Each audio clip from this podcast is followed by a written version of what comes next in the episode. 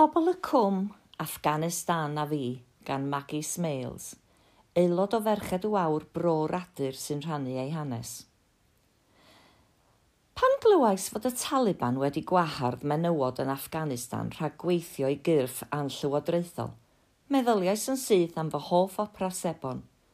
Cartref newydd, bywyd newydd. Neu nawau cor, nawau jwand yn pashto, un o ieithoedd Afghanistan – yw pobl y cwm Afghanistan. Straeon a bobl oedd yn byw mewn pentref bar Cili, mewn cwm yng nghefn gwlad Afghanistan. Wrth gwrs, yn wahanol iawn i gwmderi, ac nid jyst am nad oedd y tafarn yn y pentref. Darllenwyd yr opera sebon hon i Afghanistan gan Wasanaeth Byd Eang y BBC ers 1994, a dyma'r rhaglen radio fwyaf poblogaidd yn y wlad ers bron i ddeg mlynedd ar hugen. Beth yw fy nghysylltiad? Yn y 1990au, ro'n i'n arfer gweithio i'r BBC yn Llundain. Yn 1994, ces i swydd newydd fel rheolwraig busnes mewn adran newydd. Adran Ewrasia, ddarlledodd i wledydd yr hen undeb Sofietaidd, Iran ac Afghanistan.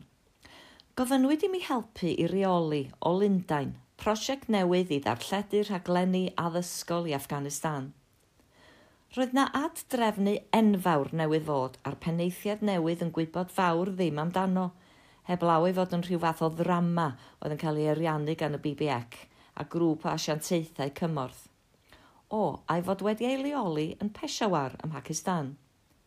Ac o fewn mis, o'n i ar y ffordd i Pakistan i ddarganfod mwy.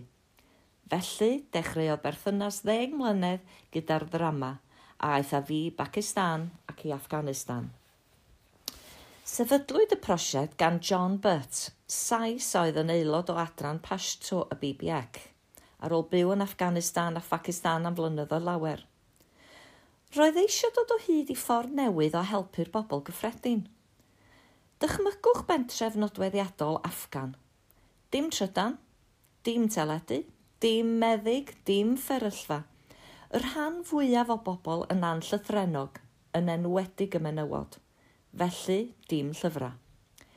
Felly pa ffordd well na radio i helpu pobl i gael negesuon syml am broblemau cyffredin? Beth i'w wneud os oes gan eich plentyn ddolur rhydd? Sut i osgoi malaria? Neu sut i sefydlu menter fach yn y pentref?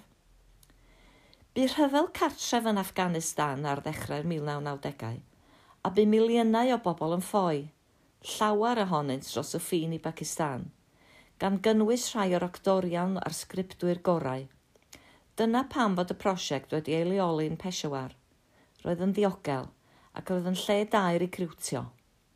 Cafodd Burt ysbrydoliaeth yn yr Archers a felly gwahoddodd Liz Rigby y golygydd i deithio i Peshawar i weithio gyda gef ac i fforddi'r tîm o ffaduriaid Afghan.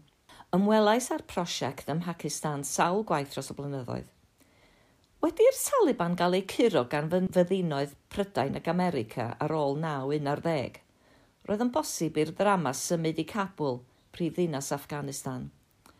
Dere nawr, meddaf y ffrind Shirazuddin, cyfarwyddwr y prosiect. Mae'n ddiogel nawr, a fwy a wyr am ba hyd y bydd yn ddiogel. Felly, ym mis Mawrth 2003, teithiais i Cabul am bythefnos, un o brofiadau mwyaf diddorol fy mywyd – Fy mhrif dasg oedd helpu gyda gwaith ymchwil y gynulleidfa a sgrifennu yn Saesneg. Fe wnes i ymweld â'r brifysgol ac ysgolion lleol. Roedd hi'n gyfnod o obaith mawr. Roedd pawb mor hapus i gael merched yn ôl yn y dosbarth. Fe wnes i gael picnic gyda menywod lleol mewn parc yn Cabwl. Mae'r Taliban wedi gwahardd menywod yn ddiweddar rhag ymweld â pharciau – am ei bod yn ei ystyried yn anfoesol. Roedden ni'n ymweld â phobl neu cartrefi ac mewn gwersylloedd ar gyfer ffwaduriaid sy'n dychwelyd o Ewrop. Cefais deg gyda mam yng nghyfraith fy ffrind Sir Wddin a byddaf bob amser neu chofio hi'n siarad am weddio bob dydd am enaid George Bush, am ei fod wedi ein hachub o'r Taliban. Ers rhai blynyddoedd mae bywyd newydd cartref newydd – wedi cael ei gynhyrchu gan gwmni annibynnol Afgan o'r enw Tajala. Ac roedd yn dal i gael ei ddarlledu gan y BBC ac yn dal yn hynod o boblogaidd. Yna, ychydig cyn y nadolig, cafodd menywod ei gwahardd rhag gweithio i fudiadau fel Tajala. Allai ddim dychmygu pentref heb unrhyw ferched. Dynion y cwm? Hm, pwy a wyr beth fydd yn digwydd nawr? Falle bydd rhaglen sydd wedi ei chanmol gan y Cenhedloedd Unedig fel darlun perffaith o sut y gall y cyfryngau ddefnyddio drama ac adloniant i ddatblygu heddwch a ddatblygiad yn cael ei gorfodi i gau.